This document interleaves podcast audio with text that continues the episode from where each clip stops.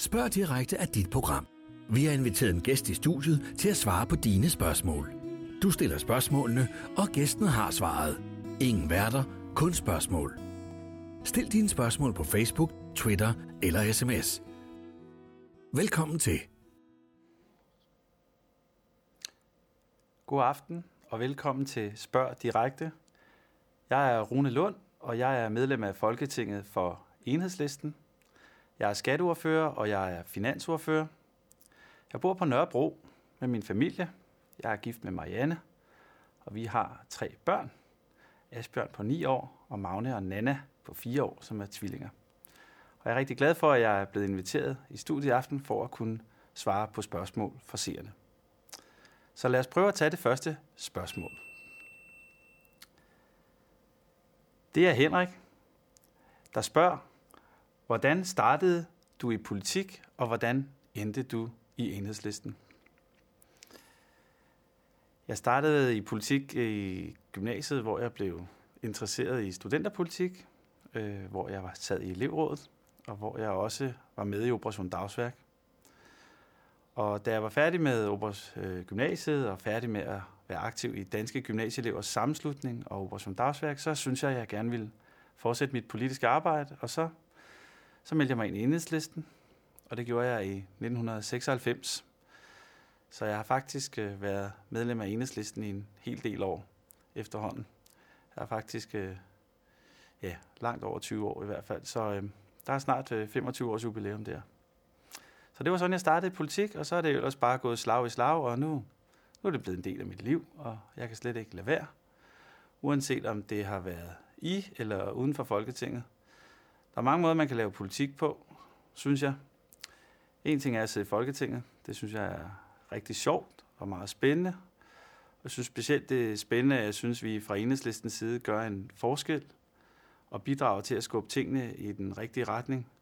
Både i forhold til de aftaler, vi er en del af, men også i forhold til de dagsordner, vi sætter, og det politiske pres, vi kan lægge på, øh, på andre partier for at øh, skubbe tingene i den rigtige retning. Det gælder både på det grønne område, hvor vi jo har en stor udfordring med at bekæmpe de truende klimaforandringer. Det gælder på, på det, det sociale område, øh, hvor der jo er behov for en genopretning efter mange års forringelser i form af for eksempel forringelser af førtidspension og folkepension. Og det gælder det jo også på det økonomiske område, som jeg selv arbejder meget intens med, hvor vi skal have et mere lige samfund, og hvor vi jo også skal have styr på finansiering af vores samfund, hvor vi jo her på det seneste har set, hvordan både banker, men også øh, svindlere, de har linset statskassen for milliarder af kroner. Så der er nok at lave, men det er dejligt at føle, at man gør en forskel ved at være medlem af Folketinget for Enhedslisten. Så tror jeg, vi prøver det næste spørgsmål. Hvorfor er det, og det er et spørgsmål på sms, og der bliver spurgt, hvorfor er det, at jeres folkevalgte ikke må sidde på en post mere end 10 år? Det er rigtigt. Vi har et øh, rotationsprincip i enhedslisten, øh, som betyder, at man øh, kun kan sidde to valgperioder. Og, øh, men i og med, at man sådan set kan blive valgt, inden den anden valgperiode er overstået, så kan man faktisk komme til at sidde tre valgperioder i alt, og det svarer svarende til omkring 10 år. Og, øh, Øh, og grunden til, at man kan, sidde, man kan blive valgt til den tredje valgperiode, det er jo, at valgene nogle gange bliver, eller oftest bliver udskrevet før tid, og så kan man så komme til at sidde op til 10 år. Men vi har det princip, fordi at, øh, vi synes, det er vigtigt, at man som folkevalgt, valgt af folket, øh, også har en føling med, hvad der foregår i det, ude i det liv, der ligger uden for Christiansborgs mure. Og, øh, øh, så derfor har vi et rotationsprincip, og øh, det kan selvfølgelig godt være svært en gang imellem, for eksempel at skulle sige farvel til, til gode partikammerater, øh, som det kan være Johannes Schmidt Nielsen, eller det kan være Pelle Dragsted, som jo ikke stiller op næste gang. Øh, de kan jo komme igen. Det indebærer vores rotationsprincip jo også. Faktisk, når man har været ude i to år, så kan man komme tilbage igen. Men jeg vil sige, det har også mange fordele, blandt andet at vi jo i det daglige arbejde i Folketingsgruppen jo ikke sådan rigtig sidder og tænker, at vi skal sidde på vores taburet de næste 25 år. Vi er hele tiden opmærksom på, at der er nogen, der skal efterfølge os, der er nogen, der skal komme efter os, og derfor har vi meget fokus på, hvem det er, der, der skal være de næste medlemmer af Folketinget for Enhedslisten, når, når vi ikke er der mere. Så jeg synes øh, grundlæggende, at det er et rigtig fint princip, vi har, og øh, det giver en rigtig god og sund måde at samarbejde ind på enhedslisten, som er gavnligt for, for, for, for partiet og vores måde, vi samarbejder på, men dermed også en styrke, når vi, når vi, øh, ja, når vi skal kæmpe for vores politiske dagsordner. Så grundlæggende set er jeg faktisk rigtig glad for det rotationsprincip. Lad os tage det næste spørgsmål. det er Ulrik, der spørger, vil det være en god idé, at enhedslisten og SF slår sig sammen? Man kan jo sige, at enhedslisten og SF er jo tætte samarbejdspartnere, ligesom vi også er meget tætte samarbejdspartnere med Alternativet. Hvis, vi har jo faktisk foreslået, at både enhedslisten, at enhedslisten, SF og Alternativet arbejder noget tættere sammen i det, vi har kaldt øh, det, som kunne være en forandringsalliance, fordi vi sådan set ønsker at opbygge en ny rød og grøn venstrefløj til venstre for Socialdemokratiet, som kan stå for en mere øh, Øh, positiv, en mere lige, en mere socialt retfærdig udvikling af, af vores samfund. Men der er jo også nogle forskelle på SF og Enhedslisten, som jo nok er årsagen til, at vi er to partier.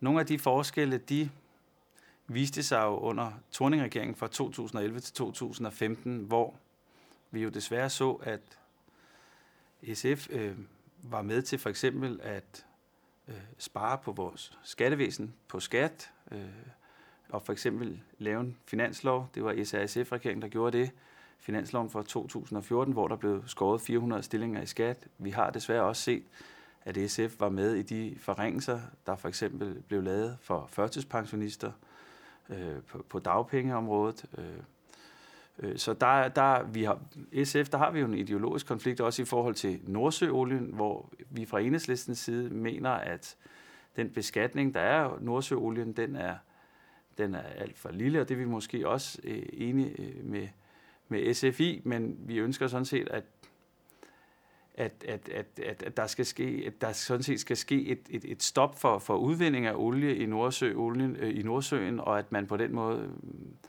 øh, presser på i forhold til at skabe det, den grønne omstilling, så Danmark også leverer vores del af, af, af, af, kampen for at bekæmpe klimaforandringen som, som en del af det. Så der er forskellige politiske øh, forskelle, som, som giver sig ud af. Vi så også konflikten øh, med lærerne i, øh, under Torning-regeringen, hvor SF også stod bag lærerindgrebet der, og stod bag salget af donger. Så der er forskellige ideologiske uenigheder og praktisk politiske uenigheder. Men jeg vil også sige, at i det daglige politiske arbejde, der er vi jo meget, meget tætte samarbejdspartnere, og det er vi også med Alternativ. Så grundlæggende så er jeg rigtig glad for det samarbejde, som vi har med, med SF, og i virkeligheden også øh, med Alternativet, og jeg synes, vi, vi langt hen ad vejen faktisk øh, står for, for mange af, af de samme værdier og, og på mange måder kæmper øh, i den samme retning, og det synes jeg er rigtig godt. Lad os tage det næste spørgsmål. Se, om der er noget.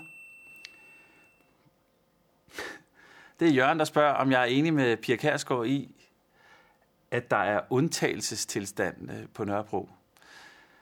Øh, jeg må indrømme, det har jeg ikke helt opdaget, når jeg går med mine børn ned på legepladsen på Nørrebro i København, så har jeg ikke opdaget den der undtagelsestilstand, men jeg har til gengæld opdaget alle de andre forældre fra, fra skolen. Mine børn går på Nørrebro Park skole på Nørrebro. Eller de andre forældre fra børnehaven, hvor mine to yngste børn går. Øh, jeg kan til gengæld godt se at de mennesker, som nyder solskinnet om sommeren, og jeg kan da se alle de gode ting, der er ved vores kvarter, men øh, det er ikke særlig meget, der har med undtagelsestilstand at gøre. Lad os tage det næste spørgsmål, hvis der er flere. Det er der nok. Der bliver spurgt, er det ikke, er det ikke en lidt lang sommerferie, I har i Folketinget?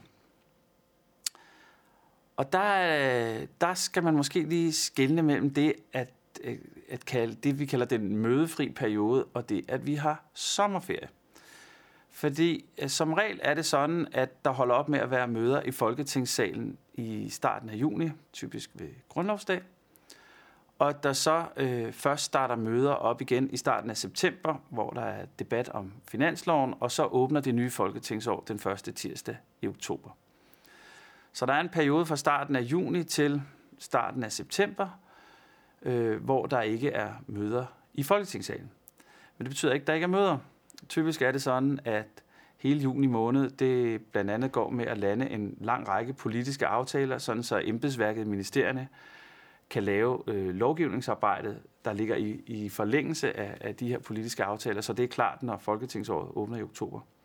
Og allerede i starten af august, så begynder alle øh, partiernes øh, sommergruppemøder, der begynder øh, Folketinget at starte op. Så i realiteten er der øh, fire i, i, i realiteten er der fire ugers sommerferie i juli, og eventuelt en lidt øh, stille opstart øh, de første en-to uger i august. Men, men der er ikke tale om en sommerferie, som varer øh, tre måneder. Der, der bliver arbejdet meget mere end det. Ja, hvad må det næste spørgsmål er? Det er Hanne, der spørger, hvordan stiller enhedslisten sig til besparelserne på Danmarks Radio? De besparelser, dem synes vi er, er, er rigtig dumme. Og det skyldes jo, at vi, vi lever i en tid, hvor vi skal kæmpe mod fake news, hvor, der er, hvor sociale medier vinder frem, hvilket jo kan være godt på mange måder, men hvor folk får informationer øh, fra mange forskellige kilder. Og der synes vi, det er utrolig vigtigt, at vi har nogle troværdige public service kanaler, herunder ikke mindst øh, Danmarks Radio som et fyrtårn, og at vi også på de public service kanaler øh, jo kan, kan få et, et, et dansksproget indhold med høj kvalitet. Og faktum er bare, at hvis man sådan som man øh, gør med det medieforlig, der er indgået med regeringen og Dansk Folkeparti, øh, mens hele oppositionen sådan set er imod, med det forlig, hvor man vil spare 20 procent af Danmarks Radios budget, der kommer man til at se en, en, et forringet øh, øh, dansk kvalitetstilbud øh, i medierne, og man kommer til at se, at det vil gå kraftigt ud over public service. Og det er også et problem, at man på den måde skære ned på det, som er en, en, en klippe eller en hjørnesten i vores øh, public service og øh, herhjemme i Danmark og det dansksprogede indhold. I en situation, hvor vi også ser tjenester som Netflix eller HBO øh, komme med, med, med, med indhold og tilbyde øh, tv øh, og, og, og øh, til, til, til den danske befolkning. Og fordi det kan være godt på mange måder, men, men, øh, men, men det er også det er også en anden måde at lave tv på, tv på. Måske kan man i virkeligheden se det på den måde, at der var en grund til, at Borgen, den hed Borgen, og at The Rain, som jo er en, en, en, en serie på Netflix, den hedder The Rain, og ikke Regnen. Altså det er lige præcis, øh, The Rain er også lavet, altså det er godt nok, det foregår i Danmark, og det, det, der, står, der, der, er, meget, der er mange danskere, der to at sige er bag den, men den er jo lavet til et internationalt publikum. Så, så det, at man på den måde i højere grad nu vil blive afhængige af udenlandske aktører, det vil give et andet øh, mediebillede, og det vil give en og det vil give mindre øh, dansksproget kvalitetsindhold. Så det, er, det er rigtig ærgerligt, at øh, besparelserne på det er blevet gennemført. Det vi har sagt fra enhedslistens side, det er, at vi ønsker de besparelser rulle tilbage. Vi mener, der skal ske en genopretning, hvis der kommer et nyt flertal til efter et kommende folketingsvalg. Vi har ikke helt kunnet for eksempel få Socialdemokraterne til at, at love det, men det er jo så en øh, politisk kamp og en politisk diskussion, vi må føre med blandt andet Socialdemokraterne, når forhåbentlig der kommer et nyt flertal, flertal til efter et kommende folketingsvalg. Lad os tage det næste spørgsmål. Det er Ulla, som spørger, hvad kan enhedslisten lære af de grønne i Tyskland? Og øh, øh, vi kan nok lære meget af, af mange forskellige partier. Øh, de Grønne i Tyskland er jo et grønt parti, men øh, dem, som vi samarbejder mest med i Tyskland, det er faktisk øh, Venstrefløjspartiet, som hedder Die Linke. Altså øh, Linke, det er jo det betyder venstre, og øh, derfor så samarbejder vi sådan set mest med dem. Og dem øh, kan vi lære meget af. Vi, hvis jeg tager udgangspunkt i Die Linke, så øh, øh, har jeg for eksempel som skatteordfører kontakt med øh, skatteordføreren for De Linke. Vi udveksler erfaringer omkring øh, forslag til, hvordan man kan lave en fornuftig beskatning af, af dem, der tjener mest i vores samfund. Øh, vi, øh, når der kører en, en udbytteskat, øh, svindelskandale, hvor Tyskland i 2012 ikke orienterede Danmark øh, om, at der var, kunne foregå mulig øh, svindel, øh, at der var planlagt mulig svindel mod, mod Danmark, og at vi måske derfor har mistet flere milliarder, end vi ellers ville have gjort i den udbytteskatskandal, fordi vi ikke blev orienteret af tyskerne om muligheden og faren for svindel, jamen så, så, så, så diskuterer vi, hvordan at, øh, at, øh, at vi kan sikre os, at, at det ikke sker igen, og at, hvordan vi hver især kan presse på for, at der bliver en bedre koordination mellem øh, skattemyndighederne i Tyskland og Danmark. Så det er for eksempel den måde, vi kan lære hinanden og samarbejde helt konkret på øh, over grænser. Lad os tage det næste spørgsmål.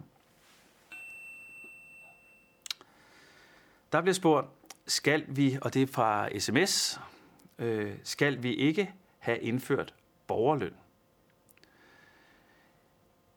Øhm, jeg går faktisk ikke ind for, det gør enhedslisten som parti, faktisk heller ikke ind for en decideret borgerløn.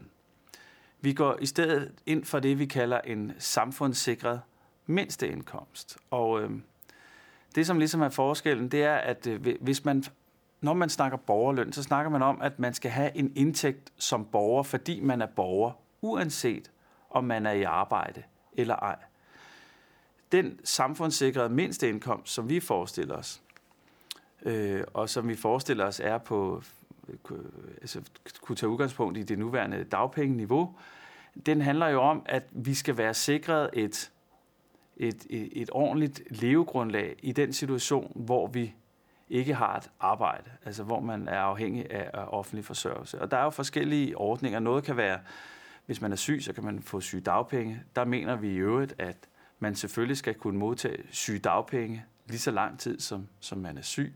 Men vi mener grundlæggende også, at det skal være sådan, at, at når man øh, ikke har et arbejde, jamen, så skal man have et øh, tilbud øh, om, så skal selvfølgelig om job eller, eller, eller relevant uddannelse. Og så længe man, man, man ikke siger, øh, så længe man, man får tilbud om relevant uddannelse, i det tilfælde, man ikke kan få en job, jamen, så skal man sådan set ikke have frataget sit øh, forsørgelsesgrundlag. Men en, en decideret borgerløn, hvor man også får, så at sige, løn for det offentlige, selvom man har et job ved siden af, det, det, mener, vi, det mener vi ikke er en, er, en, en, en rigtig måde at indrette vores samfund på. Lad os tage det næste spørgsmål. Hvad er jeres holdning til at frigive medicinsk cannabis? cannabis? Jamen, det er vi, øh, det er vi positivt øh, indstillet over for. Øhm, øh, og det har vi støttet. Og øhm, i det hele taget, så, så går vi jo ind for en kontrolleret legalisering af, af, af cannabis. Det er sådan, at øh, vi, vi kan jo se, at der har været en forbudsstrategi i, i rigtig mange år, hvor man ligesom har prøvet at, at, at, øh, at bruge en forbudsvej til ligesom at, at slippe af med, med, med, med, med, med et narkotika, som hash er. Og vi kan jo bare se, at det ikke virker. Og det er ikke fordi, jeg altså vil sidde her og anbefale nogen, at, øh, begynde at ryge hash eller ryge mere hash, fordi det er uden for enhver tvivl øh, et skadeligt stof. Men vi kan jo også bare se, at den forbudsstrategi eller den forbudstilgang, der har været, den ikke har virket. Og vi kan også se i de lande, hvor man, man, man, man prøver at, at legalisere, øh, for eksempel i Portugal, at det ikke har ført til et øget forbrug. Men samtidig ved vi jo også, at hvis man laver en, en kontrolleret legalisering, øh, så vil vi samtidig tage finansieringen øh, væk fra en stor del af den organiserede kriminalitet. Vi, vi kan jo se blandt andet i forhold til det has, den hashandel, der foregår på Christiania, øh, at der er øh, penge, som går lige ned i, i den organiserede kriminalitets lommer. Det er for eksempel bander, men det er også rockere. Og ved at lave en, en, en, en legalisering af, af cannabis, af hash, og lade staten stå for salget, for eksempel øh, via bestemte butikker, ligesom vi kender øh, salget af alkohol i Sverige via øh, Systembolaget, jamen så kunne det jo være staten, der kunne få de indtægter. Og nogle af de indtægter, de kunne så gå til en forebyggende indsats, der for eksempel fortæller om de skadelige virkninger ved, at, øh, ved, ved cannabis, øh, men de kan jo også samtidig gå til at finansiere øh, øh, dele af vores velfærdssamfund, f.eks. flere pædagoger i børnehaven eller flere sygeplejersker på hospitalerne. Så en kontrolleret legalisering øh, hvor at staten står for salg, men i virkeligheden også, hvor staten efter vores ønske står for produktionen øh, af cannabis, enten ved at staten selv, staten selv står for det, eller via øh, man, man udsteder licenser til landmænd. Fordi man kan jo godt legalisere salget af has via statslige butikker. Men hvis øh, den has, der så at sige bliver solgt i de statskontrollerede butikker, den kommer fra, den, den kommer fra ja, øh, fra, fra, fra, fra, fra produktion, som, hvor organiserede kriminelle, der, der står bag, så har man jo ikke løst hele problemet. Så derfor skal faktisk både produktion og salg være noget, som er øh, statskontrolleret og under statslig kontrol. Og så kan vi øh, også få bugt med finans- den finansiering, som de organiserede kriminelle i øjeblikket, de desværre nyder godt af. Lad os tage det næste spørgsmål.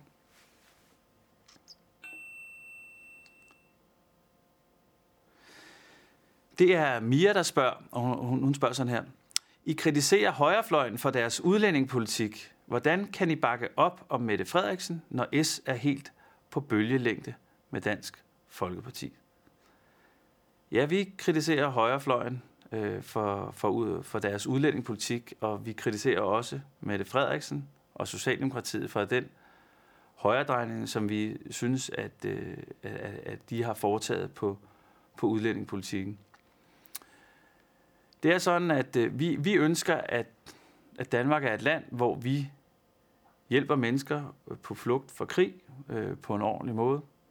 For eksempel ved, at øh, når man er flygtning fra Syrien, at det ikke er sådan, som det er i dag, at man for eksempel kan komme til at vente helt op til tre år på at blive familiesamført med sin familie. Man skal øh, øh, familien, som så stadig vil muligvis befinde sig i en, i en krigszone i, i Syrien. Og det er et eksempel på, at øh, hvor at, det, at, at man nu har indført sådan en, en treårsgrænse. Det skete under Torning-regeringen øhm, øh, med, med radikal støtte. SF var faktisk trådt ud af regeringen på det tidspunkt, så SF støttede det, det ikke. Det, det er jeg glad for. Øh, det er et umenneskeligt forslag. Men sådan et forslag er jo et, for mig at se et, et udtryk for, at man, man fører en umenneskelig politik, hvor man ikke går ind og hjælper de mennesker, som har brug for en hjælpende hånd. Og det skal selvfølgelig være sådan, øh, når vi snakker øh, flygtninge, at, øh, at vi, vi skal give øh, ophold og asyl til de mennesker, som skal have beskyttelse i forhold til de øh, konventioner, der gælder.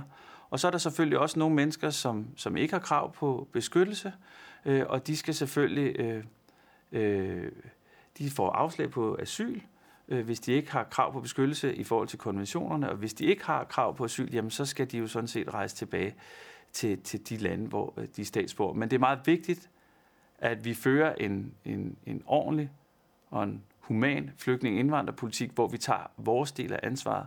Og vi mener også, at Danmark som et af verdens rigeste lande kan påtage sig en forpligtelse, som også er, den større, er større end den, øh, vi har i dag. Så er der Mette Frederiksen, og, som jo har overtaget meget af Dansk Folkeparti og højrefløjens øh, dagsorden. Og jeg synes, vi er dybt bekymrende. Øh, det har været en af årsagerne til, at vi ved næste folketingsvalg jo siger, at vi går efter selv at danne regering. Og gør opmærksom på, at det jo faktisk ikke er politiske kommentatorer eller opinionsmålinger i aviserne eller på DR TV2, der afgør valget. Det er vælgerne, der afgør valget, når man rent faktisk går ned og stemmer. Og er der nok stemmer, øh, er der nok, der stemmer på, på enhedslisten, og er der nok, der stemmer på de partier, som ligger tættest på os, øh, som vi jo opfatter som SF og Alternativ, jamen så siger vi, jamen er der nok, der stemmer på os, så er vi også klar til, klar til at gribe ud efter statsministerposten. Det er vælgerne, der afgør det. Så hvis du stemmer på enhedslisten, og hvis der er nok, der stemmer på enhedslisten, så er det statsministerposten, vi går efter. Hvis de politiske styrkeforhold efter valget øh, ligger nogenlunde, som de gør nu, eller sådan som meningsmålingerne viser, de vil gøre, så vil vi pege på den statsministerkandidat, øh, som vil give os mest mulighed for indflydelse, hvis ikke selv vi kan tage statsministerposten, hvis ikke selv, hvis ikke Pernille Skipper kan få nok stemmer til at gå efter statsministerposten. Og sådan som det politiske billede ser lige ud lige nu, jamen så vil det være øh, Mette Frederiksen. Det er ikke øh, vores øh, ønskevalg. Øh, vi har mange øh, uenigheder med Socialdemokraterne, men vi går, hvis ikke det kan blive os selv, jamen så går vi efter den. Så vil vi pege på den statsminister, hvor vi har mest mulighed for indflydelse, hvor vi har mulighed for at få mest muligt af vores politik igennem, både på det sociale område, både på det grønne område, men også på flygtninge- og indvandrerområdet. Det var et langt svar. Lad os tage det næste spørgsmål.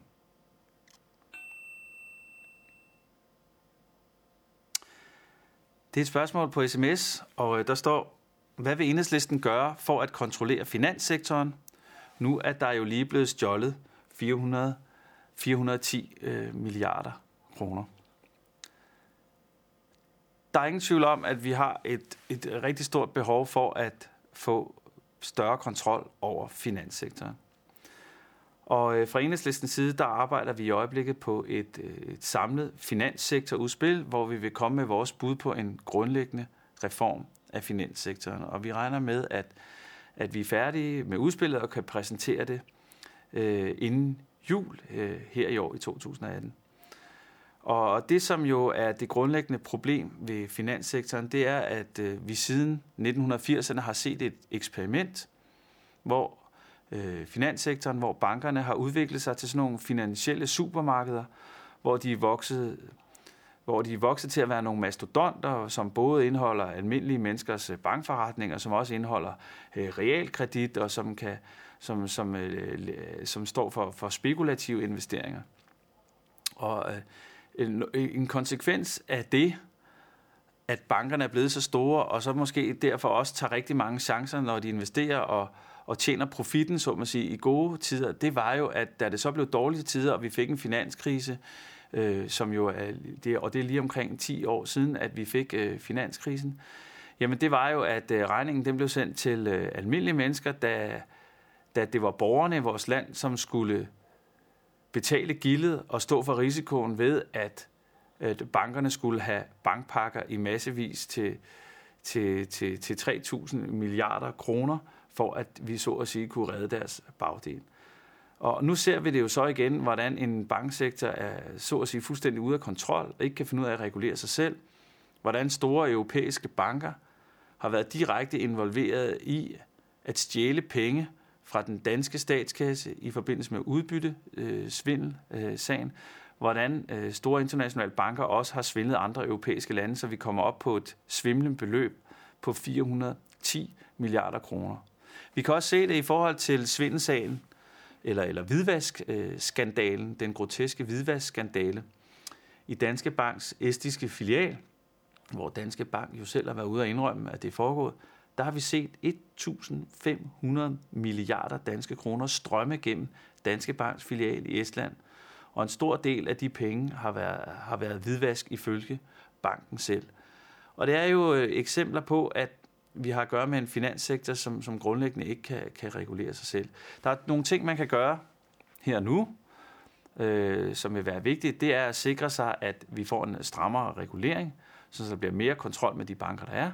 At vi også kigger mere på øh, øh, bankrådgivernes ansvar, øh, og at vi og at virkelig, og de rådgivere, det kan være, være advokater for eksempel, som rådgiver banker eller andre om, hvordan man kan, man kan lave den her form for svindel.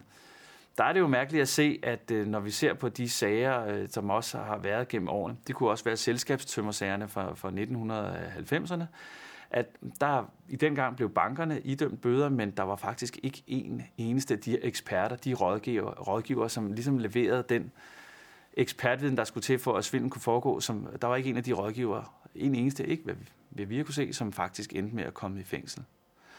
Og det tyder på, at øh, en ting er, at der skal være højere bøder, at pengene skal betales tilbage, men vi bliver også nødt til at se på, hvordan det kan være, at det i praksis er nærmest risikofrit for rådgivere og for banker at, at, at begå den her form for kriminalitet. Vi kan i hvert fald se, at der ikke er særlig mange, der ender bag trammer. Og der er en ting lige præcis, når det drejer sig om straffe i forhold til økonomisk kriminalitet.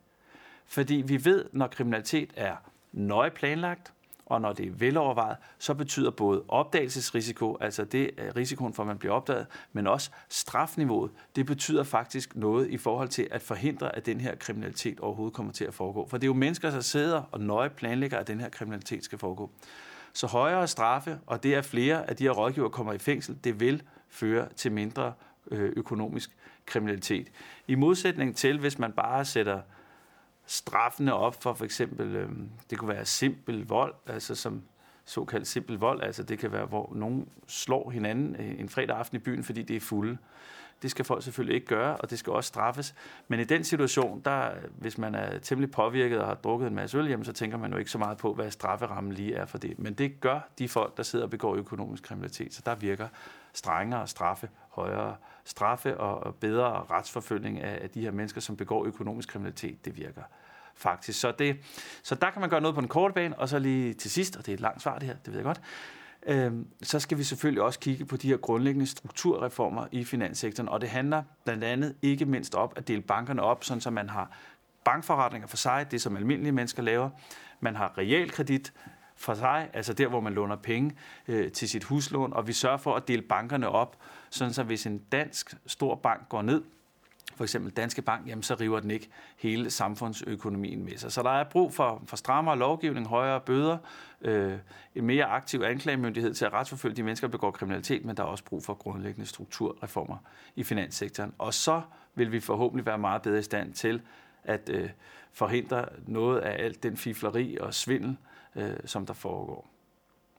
Så må vi hellere tage det næste spørgsmål.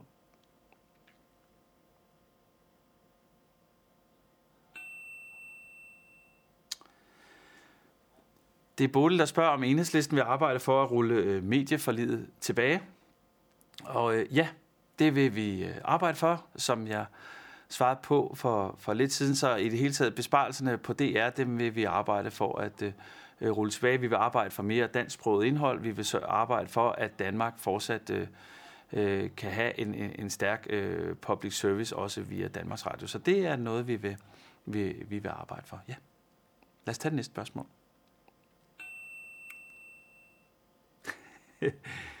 der, der bliver spurgt, ser vi nogensinde dig flytte i millionvilla?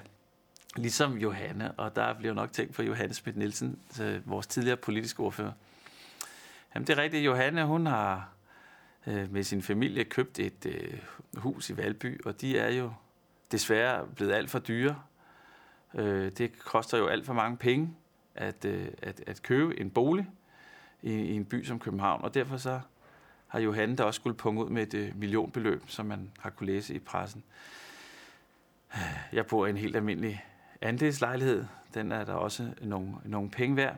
Jeg vil godt sige, at jeg vil altså ikke afvise, at øh, jeg på et tidspunkt øh, kunne komme til at flytte i et hus. Der er absolut ingen planer om det lige nu, men øh, om det hus det vil være en øh, millionvilla eller ej, det må, det må fremtiden øh, jo vise, og hvad økonomien måtte være til. Men, øh, men det grundlæggende problem jo i en en by som København, øh, hvis vi tager det, det er jo, at, at, øh, at, at der er nogle boligpriser, som er steget helt grotesk, øh, og det er en by, hvor det bliver stadig sværere at, at finde almindelige boliger til øh, almindelige priser, hvis man for eksempel er socioassistent, eller hvis man er sygeplejerske og ikke har nogen øh, øh, forældre, som kan, kan, kan skyde en masse penge ind i en bolig, jamen så skal der jo også være, være boliger, øh, for almindelige mennesker. Og, er det bare, og der er det bare utrolig vigtigt, at vi også har en almindelig boligsektor, hvor at vi kan tilbyde øh, moderne og gode lejligheder til en, til en fornuftig penge. Og der er det i hvert fald enhedslæstens holdning, at øh, når man for eksempel udvider nye boligområder, så er det sådan i dag, at og det var noget, vi faktisk fik ind i sin tid under en forhandling, finanslovforhandling med Torning-regeringen, at når man udvikler nye boligområder, jamen, så skal 25 procent af, af de boligområder være reserveret til, til, til øh, de boliger, der bliver bygget, de skal være reserveret til, til almennyttige boliger. Og det er en procentsats, som vi gerne øh, så sat op. Den kunne fx sættes op til, til 40 procent. Det er altså vigtigt, at øh, når vi har en by, øh, hvor der skal være plads til os alle sammen, så er det også vigtigt, at der er boliger, som passer til os alle sammen. Jeg håber, det var svar på spørgsmålet. Lad os se, om der er et nyt spørgsmål. Spørgsmålet er, hvad er din holdning til fortjeneste af hvad er din holdning til beskatning af fortjeneste ved boligsalg? Og det er et spørgsmål på sms. Det er jo et meget teknisk spørgsmål, men grundlæggende så, så mener vi øh, fra enhedslistens side, at der skal ske en beskatning af den samfundsmæssige værdistigning, øh, som der sker for boligerne. Det der med, at man, man har en bolig, og så sådan set bare sidder derhjemme på sin flade bagdel og tjener penge, fordi boligen den stiger i værdi, det er en værdistigning, som skal beskattes retfærdigt. Og vi har desværre siden, at øh, få regeringen i nullerne indførte øh, boligskattestoppet, set hvordan øh, samfundsmæssige værdistigninger i boligerne ikke er blevet beskattet tilstrækkeligt. Og øh, det betød, at indtil øh, det betyder det betyder sådan set faktisk, at øh, at vi år for år øh, havde, har haft manglende indtægter i fælleskassen, i statskassen på grund af den manglende beskatning. Og nu er der lige indgået et nyt øh, boligbeskatningsforlig, som enhedslisten ikke er en del af, blandt andet fordi man ikke har taget et opgør med den manglende beskatning af, af, af, af den samfundsmæssige værdistigning. Men, men, øh, men det betyder faktisk, at vi som samfund er gået glip af over 10 milliarder kroner om året i manglende beskatning. Øh, det er det, som, øh, som vi går glip af, og som vi ville have haft i fælleskassen, hvis øh, boligbeskatningen sådan set ikke var blevet pålagt et øh, skattestop, men hvis den bare havde fulgt med den almindelige udvikling i, i priserne. Vi så så gerne fra enhedslistens side, at man øh, i højere grad øh, omlag boligbeskatningen, sådan så at den blev en avancebeskatning, altså hvor man beskatter fortjenesten på boligen ved salg, frem for det bliver en, en løbende beskatning. Øh, for vi ønsker grundlæggende en, en, en beskatning af boligerne, som både sikrer et, en, en retfærdig samfunds, en beskatning af den samfundsmæssige værdistigning, men vi, hvor, hvor vi også sikrer en, en tryghed for boligejerne, forstået på den måde, at den løbende beskatning ikke skal betyde, at man så at sige bliver beskattet ud af sin bolig. Så, øh, så det er, det er, det, vi ønsker et mere retfærdigt boligsystem, men vi, boligbeskatningssystem, men vi ønsker også, at der sker en mere retfærdig beskatning, end, end, end der gør i dag. Lad os tage det næste spørgsmål. Ja, det er jo et svært spørgsmål. Hvem holder du med i Superligaen? Og øhm, jeg, kan simpelthen, jeg kan simpelthen ikke finde ud af, hvem jeg skal holde med. Jeg, jeg, jeg, jeg, jeg kan måde, kan måde rigtig godt lide Brøndby, fordi at det er ligesom et, et hold, synes jeg, som, som har, hvad skal man sige, meget af den gamle ånd. Så bor jeg jo selv i København, og kan jo på den måde holde med FC København. Og så har jeg også lidt en kærlighed til, til Fyn og Odense, blandt andet fordi jeg igennem mange år også har været opstillet som folketingskandidat derovre og lært Fyn rigtig godt at kende. Så, så OB øh, ligger også mit hjerte der. Og faktisk, hvis jeg skal være helt ærlig, min gamle far, min far, som ikke lever mere, han er opvokset i Aalborg og holder altid med OB, så nogle gange holder jeg også lidt med OB. Jeg er faktisk ikke så særlig trofast øh, fan af noget hold i, i Superligaen. Det må jeg desværre sige. Men, men måske, hvis jeg skal sige noget, hvem jeg virkelig holder med, så er det faktisk øh, Frem øh, fra Valby. Jeg er nemlig selv vokset op i Valby, men det er jo ikke et hold, der spiller i Superligaen, så så, så det er jo lidt uden for svaret, men, men det er måske det hold, jeg i virkeligheden holder mest med. Lad os tage det næste spørgsmål. Hvad er din holdning til homoseksuelles ret til adoption? Bliver der spurgt på, øh, på øh, bliver der spurgt om på sms? Jamen, øh, det synes jeg, at man skal lov til. Øh, jeg har sådan set, hvad jeg opfatter som en meget simpel holdning til, til, øh, til, til spørgsmålet om, om, om for eksempel homoseksuelles rettigheder, og i det hele taget transkønnets rettigheder, og, øh, og, og andre. Og det er i virkeligheden, at jeg, jeg er sådan set ret ligeglad med, hvor, hvor, hvor, hvilket køn øh, folk har. Øh, jeg er ligeglad med, hvad for en seksuel orientering folk har. Jeg synes bare, at lovgivningen den skal laves sådan, så vi har de samme rettigheder alle sammen, og man kan sagtens, om man er øh, en rigtig god forælder, uanset øh, hvilket køn man har, øh, uanset øh, hvilken seksualitet man har, Øh, og det synes jeg i virkeligheden bare burde være rammen for al lovgivning øh, på området. Det vil være, hvad jeg opfatter som en, en retfærdig og en, en moderne lovgivning. Så al diskrimination og forskelsbehandling, som der er, den skal vi sådan set bare af med, og så skal vi behandles lige alle sammen. Lad os tage det næste spørgsmål, se om der er et. Er enhedslisten parat til at forbyde bilkørsel i storbyerne?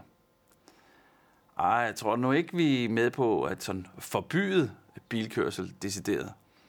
Men øh, vi synes da helt klart, at øh, vi skal begrænse øh, biltrafikken i byerne. Det skyldes jo både den forurening, der er, hvor vi ved jo, at der er flere hundrede mennesker, der, der dør om året på grund af øh, partikelforurening, eller i hvert fald øh, at øh, det giver en mere dødelighed, at øh, der er partikelforurening. Men det er jo også en trængselsproblematik, at der simpelthen ikke er, er plads til alle de biler. Og det er jo trængselsproblematikken, den vil jo også være aktuel i den situation, som jo forhåbentlig kommer inden ikke alt for mange år, hvor vi får skiftet bilparken ud fra benzin- og dieselbiler til, til, til, til grønne elbiler. Øh, men vi mener, at bilerne sådan set skal bagerst i køen, og at der skal gives plads til, til cykler, og der skal gives plads til, til gående, øh, at der skal gives plads til den, den kollektive trafik. Øh, Øh, det mener vi er, er det mest det er det, det er det mest miljøvenlige valg, øh, og det er det valg, som giver mindst trængsel i byerne. Så den kollektive trafik, cykler og gående, det er det, som vi ønsker at støtte med vores øh, politik. Lad os se, om der er. Det er der. Det er Johan, der spørger, er det enhedslistens mål at, er det enhedslistens mål at komme i regering? Ja, det er det.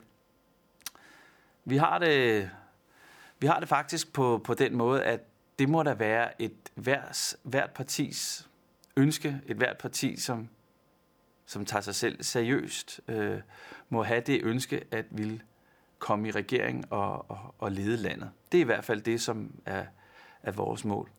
Det forudsætter jo en ting, at, øh, at, at, at vi får nok vælgeropbakning til det.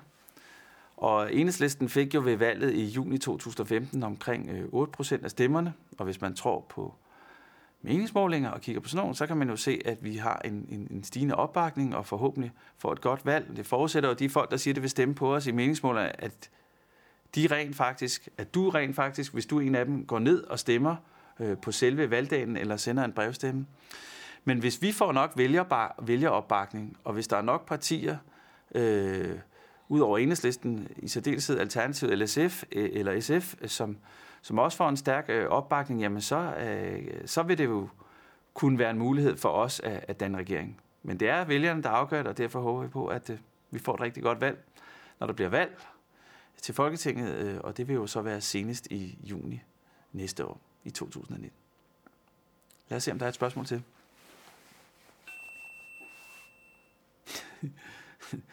det er lidt, øh, det er lidt flæve spørgsmål, synes jeg. Der står, hvad gør I, og det er på sms, hvad gør I, når I slipper op for andre folks penge?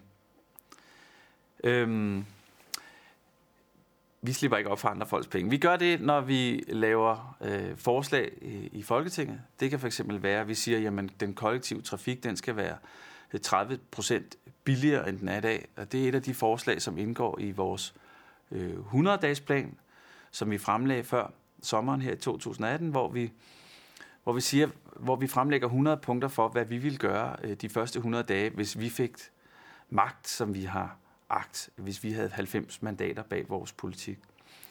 Og når vi kommer med et forslag om det, eller, eller andre forslag, så, så, så viser vi altid, hvor øh, finansieringen den skal, skal komme fra. Uanset om det er en omlægning af skatterne, eller, Øh, øh, eller hvad, hvad, hvad forslaget må være. Det kunne være en milliard, millionærskat, hvor vi vil øh, beskatte de mennesker, som tjener over en million øh, lidt mere retfærdigt, eller det kunne være ved at lukke skattehuller, eller det kunne være ved at ansætte flere skattemedarbejdere i skattekontrollen. Der har vi i øvrigt øh, fremlagt beregninger, hvor vi ser på konkrete kontrolprojekter i skattekontrollen, øh, og kan se, at der er nogle mennesker, som nogle kontrolmedarbejdere, som hver dag møder op og skovler penge ind til fælleskassen, til statskassen, som burde have, have ligget der for længst. Og ved at ansætte en, en, omkring 400 medarbejdere, så vil man med nogle meget konservative, forsigtige forudsætninger øh, ved, øh, der kunne man øh, få øh, omkring øh, 3,5 milliarder i kassen ved at ansætte bare 400 ekstra kontrolmedarbejdere. Og vi ønsker at ansætte mindst 1000 ekstra kontrolmedarbejdere i skattevæsenet. Så det er nogle af de, det er nogle af de øh, finansieringselementer, som, som vi har. Hvis der ligesom ligger i spørgsmålet, at, at, at, at det offentlige eller staten ligesom bare bruger andre folks penge, så synes jeg, det er en meget forkert og en meget forsimplet måde at se på vores samfund på. Jeg synes, det er fint, hvis man, man har en virksomhed, hvor man øh, producerer ting og skaber arbejdspladser, for, også for eksempel hvis det er uden for de større byer i Danmark. Men, men Danmark er jo et samfund, hvor en, en virksomhed jo ikke bare eksisterer i et tomrum. Det er flot, hvis man har en virksomhed, der kan skabe arbejdspladser i, i Danmark, men den arbejdskraft, man har, den er, jo, den er jo kommet via gratis uddannelse. Vi har et sundhedssystem, hvor man kan blive lappet sammen og blive helbredt, øh, hvis, man, hvis man er syg eller har brug for hjælp. Vi har et, øh, et dagpengesystem, der, selvom det desværre er blevet forringet, blandt andet ved at dagpengeperioden i dag kun er på to år frem for fire år tidligere. Vi har et dagpengesystem, som gør, at man har en forsørgelse, hvis man, hvis man er så uheldig at, at miste sit job. Så, så det, øh, at, at den private sektor, eller øh, jobs i den private sektor, eksisterer jo ikke uafhængigt af vores samfund som sådan. Og jeg tror, der er en grund til, at når der bliver lavet internationale undersøgelser om øh, øh, Dan- Danmarks eller andre nordiske landes konkurrencedygtighed, for eksempel, så ligger vi altid helt i top. Og det er jo fordi, at forudsætningen for, at vi har et meget konkurrencedygtigt samfund, det er jo også, at vi har en meget, meget stærk velfærdsstat. Og derfor synes jeg, det er så ærgerligt, at vi ser uligheden stige, at vi ser forringelser af førtidspension, dagpenge, kontanthjælp og sygedagpenge, at vi ser en, en, en velfærd, som, som er blevet udsultet og som ikke er blevet tilført nok ressourcer i takt med, at der er kommet flere ældre og flere børn, sådan så de penge, der er til rådighed per borger i vores velfærd i dag, er mindre, end det var før i tiden. Jeg synes, det er en fattig øh, tilgang. Jeg synes, det er en forkert politisk tilgang, men det er også en økonomisk dum tilgang. Blandt andet fordi, at der er undersøgelser blandt, lavet, blandt andet lavet af OECD eller af den internationale valutafond IMF, som viser, at der er en sammenhæng mellem øh, den økonomiske vækst i samfundet og, og så ulighed. Altså når uligheden stiger, jamen så går det også ud over samfundsøkonomien. Så det er politisk dumt og politisk forkert, men det, der er også stærke øh, indikationer på, øh, via de øh, grundige undersøgelser, der er lavet internationalt, at der også er en, en, en, en sammenhæng mellem, at når vores samfund bliver mere ulige, jamen, så går det også ud over økonomien. Så, så, så, så samfundet, staten, er en, er en væsentlig motor og en væsentlig forudsætning for, at vi kan skabe jobs i vores land. Og derfor synes jeg, at vi skal gå mere den vej. Et stærkt velfærdsstat har gjort os det af de mest konkurrencedygtige samfund, så vi, det skal vi udbygge, det skal vi gøre mere af, i stedet for at afmontere vores velfærdsstat. Det var langt svar. Lad os se, om der er et nyt spørgsmål.